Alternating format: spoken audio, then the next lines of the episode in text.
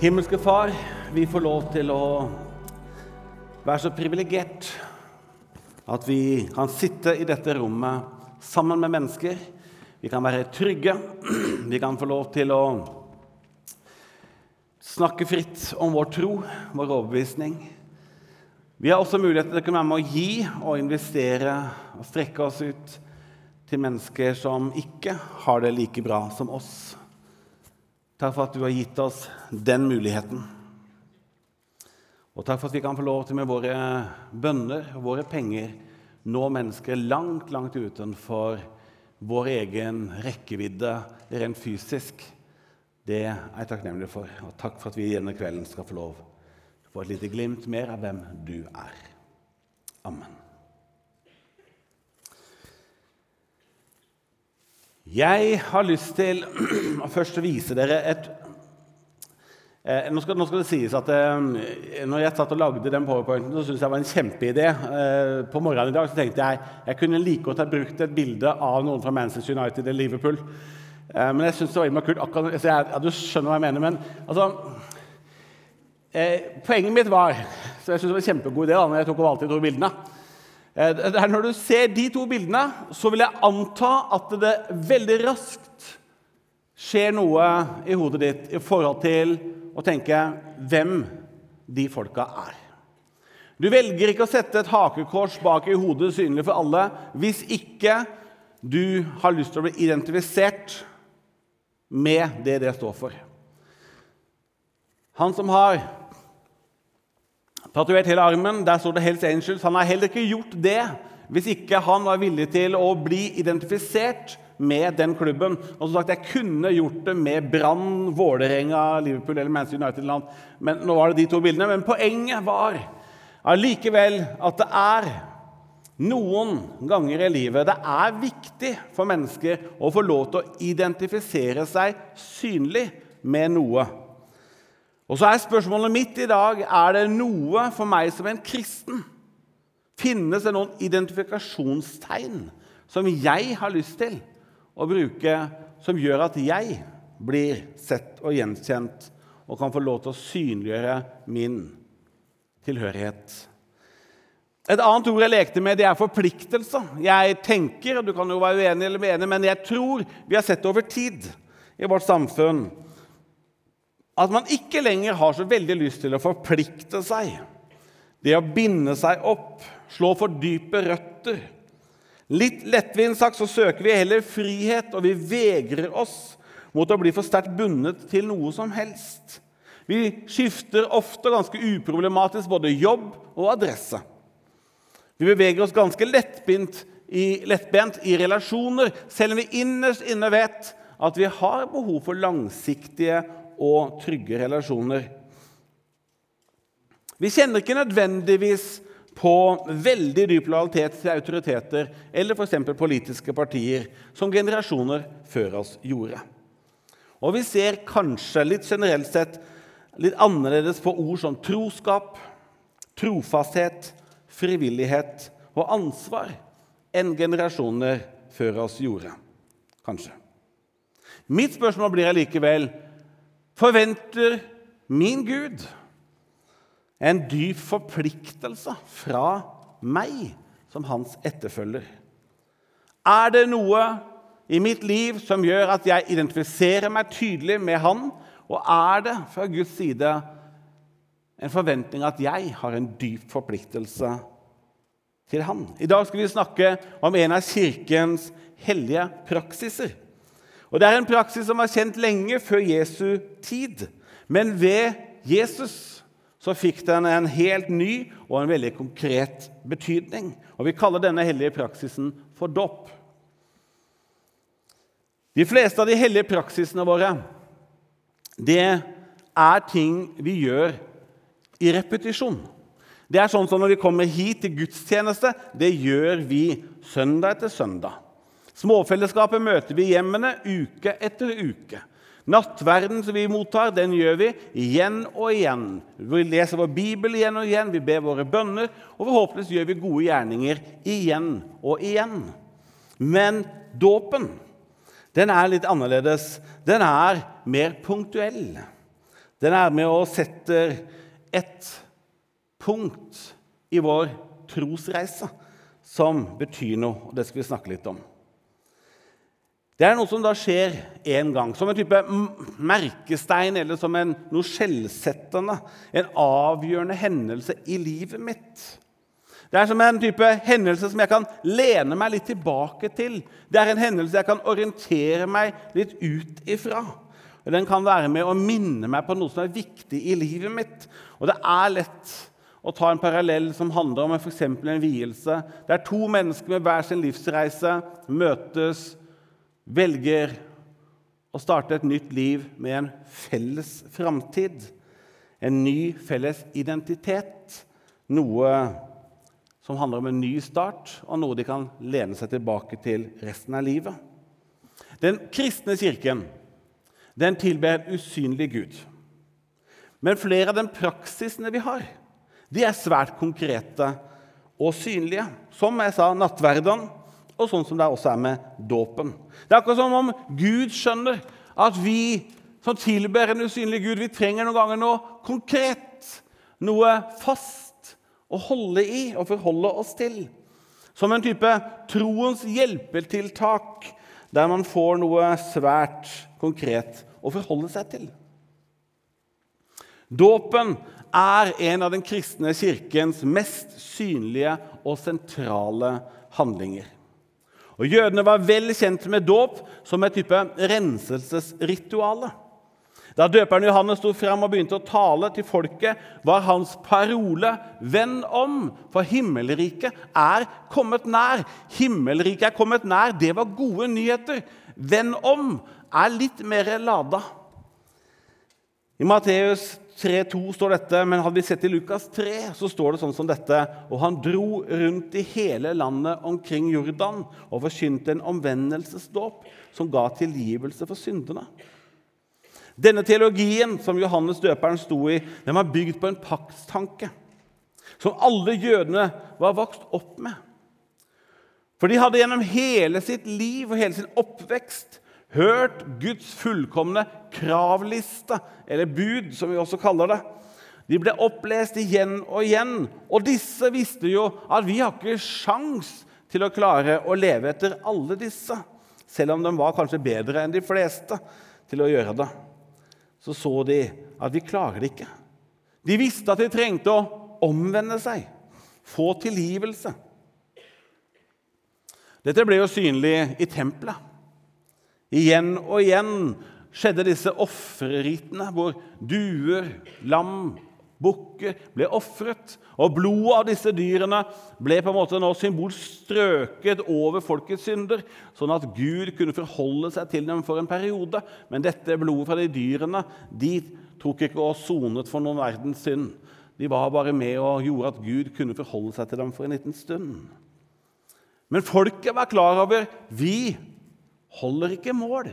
Vi klarer ikke å fullføre Guds kravliste. Vi klarer ikke å leve opp til standarden. Vi trenger å omvende oss igjen og igjen. Og vi trenger å få tilgivelse.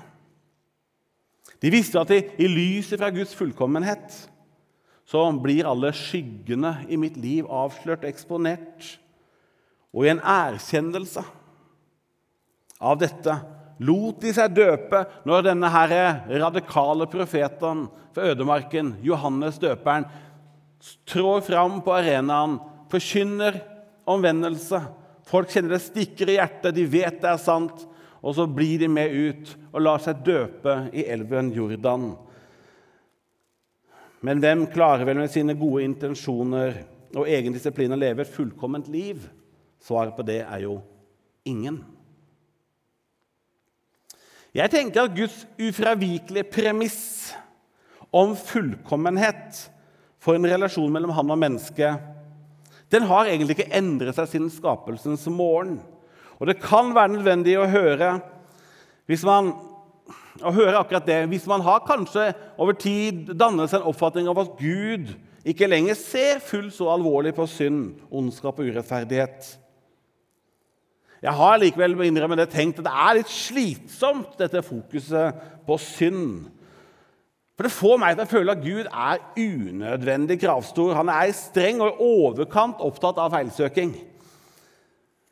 Men for å forstå hvorfor dette ufravikelige premisset ligger der fra Guds side, så trenger vi å forstå litt hvem Gud faktisk er. Jeg synes Det er akkurat som jeg hører Jakob i hans brev prøve å forklare noe av dette. Han skriver sånn i Jakob 1.: For Gud, han fristes ikke av det onde. Og selv frister han ingen. Alle blir fristet av sitt eget begjær, som lokker og som drar. Og når lysten blir svanger, føder den synd. Og når synden er moden, føder den død. All god gave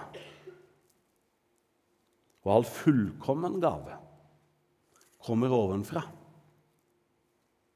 Fra ham som er himmellysenes far. Hos ham er det ingen forandring eller skiftende skygger. Dette er en måte å si at i Gud finnes ikke noe urent begjær. Derfor kan Gud ikke fristes. Og derfor kan Gud heller ikke synde. Og Gud kan heller ikke forandre seg. I Han er det kun lys. Og det er ikke noe mørk eller skygger i Gud. Og skal vi dele liv med Gud, så er dette selve premisset for livsfellesskapet. Hele Guds rike er sånn som Gud er. Men jeg er definitivt ikke helt slik som Gud er. Det er som å prøve å følge to kompasskurser samtidig. Hvor den ene kompasskursen er Guds vilje, den andre er min. Og det er grenser hvor langt du klarer å strekke deg i spagat. Det går ikke over tid å følge to ulike kompasskurser. I livet så viser det seg at halvhjertet er et annet ord for manglende overgivelse. Og Det er som regel en garanti for lunkenhet og for å ikke evne å fullføre. Peter han var helt overbevist om at han var helhjertet. Han ser Jesus rett inn i øynene. Frimodig sier han de andre her, de, de kommer ikke til å klare å altså, fullføre, men du kan stole på meg. Jeg, jeg kommer til å stå. Jeg, jeg, jeg, går i døden for deg. Jesus ser på denne selvsikre disippelen sin. Og Det kommer et lite drag over ansiktet til Jesus, og sier han, du, før hanen har galt i natt, så har du fornekta meg tre ganger. Peter rister på hodet og sier nei, du, du, skjønner ikke hvem jeg er. Du aner ikke liksom, hva slags fyr du har foran deg, hvor heldig du egentlig er som har meg på laget. Men før hanen har galt tre ganger, så har Peter fornektet Jesus og tatt avstand. Er det virkelig sånn at Gud krever betingelsesløs overgivelse av deg og meg? Og betingelsesløs overgivelse handler dypest sett om kampen mellom viljer. Paulus skriver disse merkelige ordene til menigheten i, Rom. Og jeg lurer på hva som har skjedd i forkant her. Om han har på en eller annen måte følt han ikke strakk til, eller blir skuffa over seg sjøl, eller opplevd at Gud har krevd for mye av ham. Jeg vet ikke helt. Men han skriver For jeg forstår ikke hva jeg selv gjør. For det jeg vil, gjør jeg ikke. Og det jeg avskyr, det gjør jeg. Og så bruker han flere vers med å si noe av det samme. Om at han opplever at 'jeg vet jo hva som er rett'. Hvorfor gjør jeg da dette? Når jeg vet at det er dette jeg egentlig har lyst til, hvorfor gjør jeg da det motsatte? Og så sier han det er denne brytningen som ligger i meg som menneske. For det er et begjær. Det er noe i meg som har lyst til å gå en annen vei enn Gud. Det er en vilje i meg som går en annen vei enn Guds vilje. Og det er det spennet som hvert eneste menneske lever. Det finnes mange dramatiske episoder og øyeblikk i bibelhistorien. En av dem finner vi i første kongebok, kapittel 18. Og Bakteppet her det er at israelittene har over tid vendt Gud ryggen. De har begynt å tilbe andre guder. Og i 22 år har kong Ahab regjert sammen med sin dronning Jesabel, som tilba guden Bal, en guddom som krevde både menneskeoffer og seksuell umoral, så ledet kong Ahab israelfolket bort fra Gud. Og Jesabel og Ahab de rev ned alle altere som Gud hadde i hele Israel, og de drepte alle Guds profeter med sverd. Det var kun én igjen, og han het Elia. Og det er denne ene gjenlevende profeten Elia som på Guds instruks innkaller kong Ahab og 450 Baal-profeter og 400 andre profeter for en gud som ble kalt for Asjera. Og han inviterer dem opp på fjell som heter Karmel. Og Han inviterer dem til en styrketest, en styrkeprøve. Og han inviterer hele israelfolket til å være publikum. Og testen det er at de skal bygge hvert sitt alter. Disse 850 profetene fra noen avgud og så skulle da han ene som var en av Guds profeter, Elia, bygge et alter. Og den Gud som svarte med ild, den Gud var den virkelig sterkeste og sanne Gud. Før testen begynner, så går Elia fram, og så ser han utover israelfolket som han var så glad i. Og så sier han med sorg i stemmen sin Hvor lenge vil dere halte til begge sider. Er Herren Gud, så følg Han. Og er Bal Gud, så følg Han. Men folket svarte ham ikke et ord. Da sa Elia til dem, Jeg er den eneste som er igjen av Herrens profeter. Dere bør lese historien. Jeg innrømmer Nå ødelegger jeg hele historien, for nå forteller jeg åssen det går til slutt. Og det er sånn at Elias vinner. Eller Gud vinner til slutt. Gud svarer ved å tenne hele alteret til Elias i flammer. Offeret brennes opp. Og Elia da heller på til med vann oppå det her for å vise at da er det min Gud, så skal han i hvert fall gjøre det ordentlig. Det er søkka bløtt oppå steinene, og det renner vann rundt alteret. Og når Gud svarer så tar han hele offeret, han brenner opp steinene og han slikker opp alt vannet rundt. Det er helt tørt. Det er Gud, Israels Gud, Elias sin Gud, som den dagen demonstrerte hvem han var. Hvor lenge vil dere halte til begge sider? Tror du at Gud vil slå seg til ro med noe mindre enn en betingelsesløs overgivelse av de som skal følge ham? I 3. Mosebok, kapittel 19, vers 2, så sier Gud til Moses, en annen av de store profetene Moses, gå og si til folket at Herren, Gud, er hellig. Og fordi Gud er hellig, så skal dere være hellige. Og det gjør Moses. Det er en helt urimelig krav. Det er som å gå og si siden Gud er fullkommen, hellig, så skal dere være fullkomment og hellig. Flere tusen år senere så møtte Jesus disiplenes blikk, og så sier han disse ordene i Lukas 9, 23. Om noen vil følge etter meg, da må man fornekte seg selv. Hver dag ta sitt kors opp og følge meg. Her bruker han det samme ordet 'fornekte' som han hadde sagt til Peter. At du kommer til å fornekte meg. Og Det betyr i praksis du kommer ikke til å ha lyst til å identifisere deg med meg. Du kommer til å ta avstand ifra meg. Og Det var akkurat det Peter gjorde. Og Her sier han hvis du vil følge meg, så må du fornekte deg selv. Du må også ta avstand fra sider i deg selv. Og det er de sidene i deg selv som drar en annen vei enn min vilje. Du må, være villig til å identifisere deg med meg, og ikke med alle de andre følelsene og lystene du har. Du må være villig til å ta avstand fra det i deg som har lyst til å nekte å gå en annen vei enn Guds vilje. Og så sier han en annen ting som handler om identifikasjonen å gjøre. Du må ta korset ditt opp hver dag.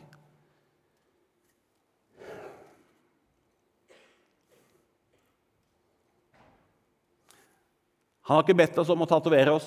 Det hadde vært veldig rart. Men han har bedt oss om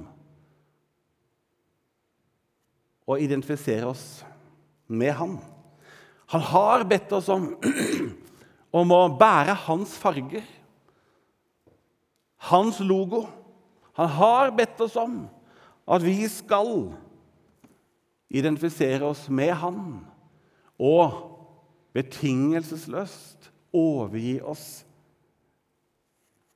til å bli lik han. Gud krever betingelsesløs overgivelse, men han forventer ikke at vi klarer det. Han forventer at vi skal, men han vet at vi ikke kan. Og Så står det i Filippe-brevet 2.: For det er Gud som er virksom i oss. Så dere både vil og gjør det som er til Guds gode vilje. Det er der Gud sier 'Jeg skjønner at det jeg ber dere om, får dere ikke til', men jeg skal virke i dere. Jeg skal hjelpe dere å ville det rette. Jeg vil gi dere kraft til å gjennomføre det. Han sier i 1. Tesalonikerbrev 5.: Må Han, fredens Gud, hellige dere helt igjennom. Som vi husker, fordi Gud er hellig, skal vi være hellige. Han vil at vi skal være lik Han. Så må Han hellige dere helt igjennom. Og må deres ånd og sjel og kropp bli bevart uskadet. Så dere ikke kan klandres for noe når vår Herre Jesus Kristus kommer. Trofast er Han som kaller dere, og Han skal også fullføre det. Han vet at vi så gjerne vil, men ikke får det til. Derfor sier han, 'Men jeg skal hjelpe deg og jeg skal til og med gjøre det. Gud kan gjøre alt, med unntak av å velge for oss. Når Jesus inntok arenaen, så var hans parole det samme som døperen Johannes. Omvend dere, for himlenes rike har kommet nær. Og Så sier han til disiplene før han forlater dem etter påsken så sier han, 'Meg er gitt all makt i himmelen og på jord.' Gå derfor og gjør alle folkeslag til disipler. Døp dem i Faderens og Sønnens og Den hellige ånds navn, og lær dem alt det jeg har befalt dere. I Johannes dåpen lå omvendelsesansvaret på skuldrene våre. For Gud krever betingelsesløs overgivelse av alle sine etterfølgere. Den kristne dåpen, Jesusdåpen, forutsetter på samme måte omvendelse fra synd. Og fortsatt krever Gud betingelsesløs overgivelse av oss som etterfølgere. Men den kristne dåpen den flytter vekten av dette fra våre skuldre over på Jesus' skuldre. Den kristne dåpen den handler om det Jesus har gjort, og ikke hva du og jeg burde eller skulle ha gjort. Og den inviterer deg og meg inn i noe som allerede er gjort ferdig og betalt. Noe som er ferdig. Guds krav er ikke senka en millimeter, men Guds krav er allerede innfridd i og gjennom Jesus. Dåpen er enda et av Guds fantastiske, nådefulle grep. Mennesket i sin svakhet vi haltet til begge sider. Vi evnet ikke å være hellige slik Gud er hellig. Og vi syndet i stort og i smått og på forskjellige måter. Og i sum er vi erklært totalt uverdig til å bære Jesu farger. Men så tar Jesus og stiller opp siden av oss. Og så lever han et liv uten synd. Og ikke bare det. Han tar alle våre feiltrinn, alle våre dårlige øyeblikk, alle våre dårlige vurderinger, alle våre temperamentsfulle handlinger og ord. Alt det tar han på seg. Og så rammes han av syndens konsekvens, som er døden. Og så blir Gud død og begravet. Og det er jo så uendelig trist. En død Gud er jo det siste vi trenger. Men historien slutter jo ikke der. Det er jo fristende å si at det er nesten der den begynner. Det er så Du kan se for deg hvordan dommeren sitter, og han går gjennom hele ettertavlen fra Adam og hvert eneste menneske, og han prøver oss alle. Og Der finner han da Daniel Egeli, og det er synd. Og det er synd, og det møter oss alle, helt til han kommer ned til en tømmermann fra Nasaret som het Jesus, og så finner han ingen synd. Og så forandres hele bildet. For ved det øyeblikket, når det kom et menneske som har levd under samme kår som oss, men uten å synde, og som tok all verdens synd på seg så vi skulle gå fri, men han var skyldfri, da brytes dødens makt. Da er døden ikke lenger en endeholdeplass. Da plutselig ruller stenen bort fra graven, og han går ut av den. Til nå har graven vært en enveisretning. Alle har gått inn, og der har de blitt. Nå går han ut igjen, og han tar med seg alle de som har lyst til å bli med han. Han har ikke bare blitt begravet, men han er oppreist. Og i dåpen med den fantastisk tydelige symbolikken så begraves vi med Kristus. Og så reises vi opp med Kristus for å leve med Kristus. Den kristne dåpen representerer et tydelig skille. Og i sin essens forkynner den en slutt og en begynnelse. Og med sin neddykkelse i vann symboliserer den en begravelse av alt det gamle, og at vi oppreiser til noe nytt. Dåpen er en en gang i livet-proklamasjon som forteller oss hva Gud har gitt til oss og gjort for oss. Og mitt bidrag i dåpen det er kun et grenseløst privilegium til å få lov til å si tusen takk. I dåpen forteller jeg at Gud har gjort alt sammen. Og jeg får si takk. Og i dåpen får jeg lov til å si jeg har lyst til å følge deg og være et barn av deg. Og jeg får lov til å fortelle til min omverden at jeg har lyst til å være en etterfølger av Jesus. Dåpen kobler den troende på Jesusfortellingen som en teologisk forankring. Og Hør hvordan apostelen Paulus forklarer dette overfor menigheten i Rom. Han skriver i Romrevet kapittel 6.: Vi, vi ble begravet med Han da vi ble døpt med denne dåpen til døden. Og som Kristus ble reist opp fra de døde ved sin fars herlighet, skal også vi vandre i et nytt liv. Har vi vokst sammen med Kristus i en død som er lik hans død? Ja, da skal vi være ett med Han i en oppstandelse som er lik hans. Død og oppreist. Sannheten er nok at ingen av oss til fulle kan forstå dåpens betydning og hva den betyr for vårt liv. Og jeg har lyst til å si en ting, og det har jeg innsett og erkjent over tid. At hvis det finnes noe av Gud i mitt liv, så er det definitivt en gave. I dåpen berører Gud mitt liv med sin godhet og nåde. Og jeg kan få lov til å overgi meg betingelsesløst til Hans nåde og omsorg. Og vakkert og forunderlig så speiler Jesus seg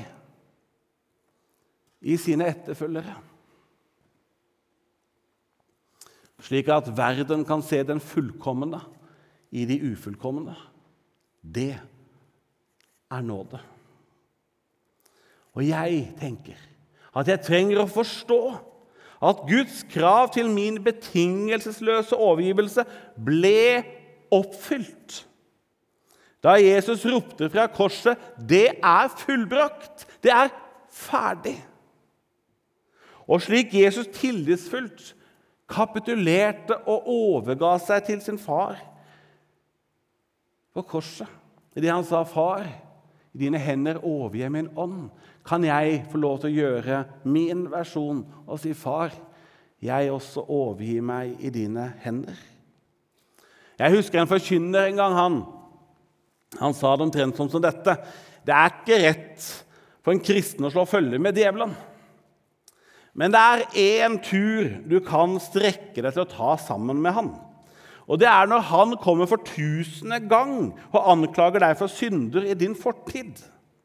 Da kan du følge ham til din dåpsgrav, og så kan du si at her kan du stå, og du kan rope og skrike til du blir blå i ansiktet. Det er helt i orden, for han du snakker om, han er der. Han er begravd og død. Jeg har ikke tid til dette, for jeg har opprettet et nytt liv, og jeg skal henge med Jesus. Det er den eneste turen du kan gjøre med djevelen. Der Følg han dit og la ham bli stående igjen der. For den han anklager, er død og begravet. Han som har stått opp igjen, han er fri fra alt som er av mørket i din fortid. En gammel sogneprest sa en gang når jeg blir mismodig, da tar jeg frem dåpsattesten og ser at alt er i orden. Det ligger noe vakkert og tillitsfullt i denne setningen. For også jeg tenker at dåpen skal være nettopp det. En trygg påminnelse for meg om at alt er i orden. For det handler ikke om hva jeg har gjort, men det handler om hva han har gjort. Og jeg bygger mitt liv på at han holder. Selv om jeg vet at jeg slett ikke alltid gjør det. Så blir dåpen for meg et fantastisk orienteringspunkt. Og det gjør det for alle troende for resten av livet. For dåpen minner meg om at alt mørkt, skamfullt og syndefullt i mitt liv, det ble begravet med Jesus. Dåpen minner meg om at Jesus forble ikke i graven, men han brøt dødens makt, og han sto opp igjen. Det betyr for meg at ingenting i min fortid har makt til å stjele og definere min framtid. Jeg står nå sammen med Jesus. Og se, synden er sonet, og alt har blitt nytt. Dåpen er for meg en hellig handling, der jeg får lov til å ikle meg Jesu farger. Og jeg får lov til å identifisere meg med Han for tid og for evighet. Og Det er ikke rart at den kristne kirken setter dåpen høyt. Det er riktig at vi kristne vi leser Bibelen litt forskjellig på en del områder. Det gjelder også dåpen. I Luthers lille katekisme oppsummeres dåpens gave slik.: Dåpen virker syndenes forlatelse, frelser fra døden og djevelen, gir evig salighet til alle som tror. Dette er Guds ord og løfte. Andre kirker, som metodistene, de døper barna fordi de er Guds barn. De vil understreke at forsoningen og nåden har omfattet også barnet allerede fra mors liv. Filadelfia-kirken. Vi praktiserer Før kalte vi det voksendåp. Det gjør vi ikke lenger. Vi kaller det trones dåp. Det er et baptistisk dåpssyn. Som Luther tenker vi at dåpen er en Guds gave, og at Gud berører våre liv også her. Men Filadelfia-kirken betoner ikke frelse i dåpen på samme måte som Luther. Vi tenker som metodistene at forsoningens rekkevidde omfavner barnet helt inn i begynnelsen i mors liv. Vi tenker at det påligger et viktig ansvar for mor og far og Kirken i å oppdra barn i en kristen tro. Vi tenker om dåpen at den er en villet handling, men ikke at den på noen måte er en belønning eller en prestasjon for noe som vi har gjort. Dåpen er ene og alene Guds nådeverk. Og i tiden bak oss har nok vi sikkert vært altfor opptatt av det som skiller oss som kirker, eller det som vi ser ulikt på. Og det er åpenbart forskjellige forståelser av sider ved Guds ord, men det er langt mer vi har til felles. Jeg tenker at vi kanskje, altså vi med troende ståpssyn, har lagt for stor vekt på hvor mye vi skal forstå, og hvor moden vår tro skal være før vi lar oss døpe. Jeg tenker at det er fint hvis vi legger inn dåpsundervisningen ganske tidlig i vår barnekirke, slik at vi tidlig i vår trosopplæring gir den troende den trygge og solide forståelsen av at det er Gud som bærer den troende, og ikke den troende som bærer Gud. For dåpen skal i vår trosreise få være en hvilende påminnelse om hva Gud har gjort. Og det er Guds nåde som bærer meg gjennom livet. Denne hvilende påminnelsen den trenger jeg å ha trygt i min trosbagasje. Lenge før jeg tenker at jeg med mitt hode har forstått Gud, eller at jeg skal klare å gi Gud et helhjerta nok løfte til å følge ham 100% resten av livet. For sannheten er at ingen av oss vil noensinne forstå Gud fullt ut. Og ingen av oss vil klare å følge Gud 100% resten av livet. Vi trenger å bli minnet om at det handler ikke om hvor stor tro vi har, men om det vi tror på holder i dåpen får jeg begrave alle mine mislykkede forsøk på å fortjene Guds godhet. I dåpen får jeg kle av meg alle mine nederlag og alle mine svik og et mangfold av synder. Og I dåpen får jeg lov til å begrave alle nådeløse anklager, både fra meg selv og fra andre. Og jeg får lov til å ta imot Guds nåde. Og så får jeg lov til å bli løftet opp til et nytt liv. Et liv hvor Gud selv gjør meg i stand til å bli mer lik Han. Resten av trosreisen min kan jeg få lov til å se tilbake på dåpen og bli minnet om at alt er i orden. Fordi livet mitt nå bygger på og hviler i det Han har gjort. Og så avslutter jeg med responsen fra folket på Peters frimodige tale på pinsedag. Apostelens gjerninger 2 og hør. Så sier Peter, så skal hele Israels folk vite for visst denne Jesus som dere korsfestet. Han har Gud gjort til både Herre og Messias. Da de hørte det, så stakk det dem i hjertet. Og de sa til Peter og de andre apostlene, 'Hva skal vi gjøre, brødre?' Peter svarte dem, 'Vend om. La dere døpe i Jesu Kristi navn.' hver og en av dere. Så skal dere få tilgivelse for syndene, og dere skal få Den hellige ånds gave.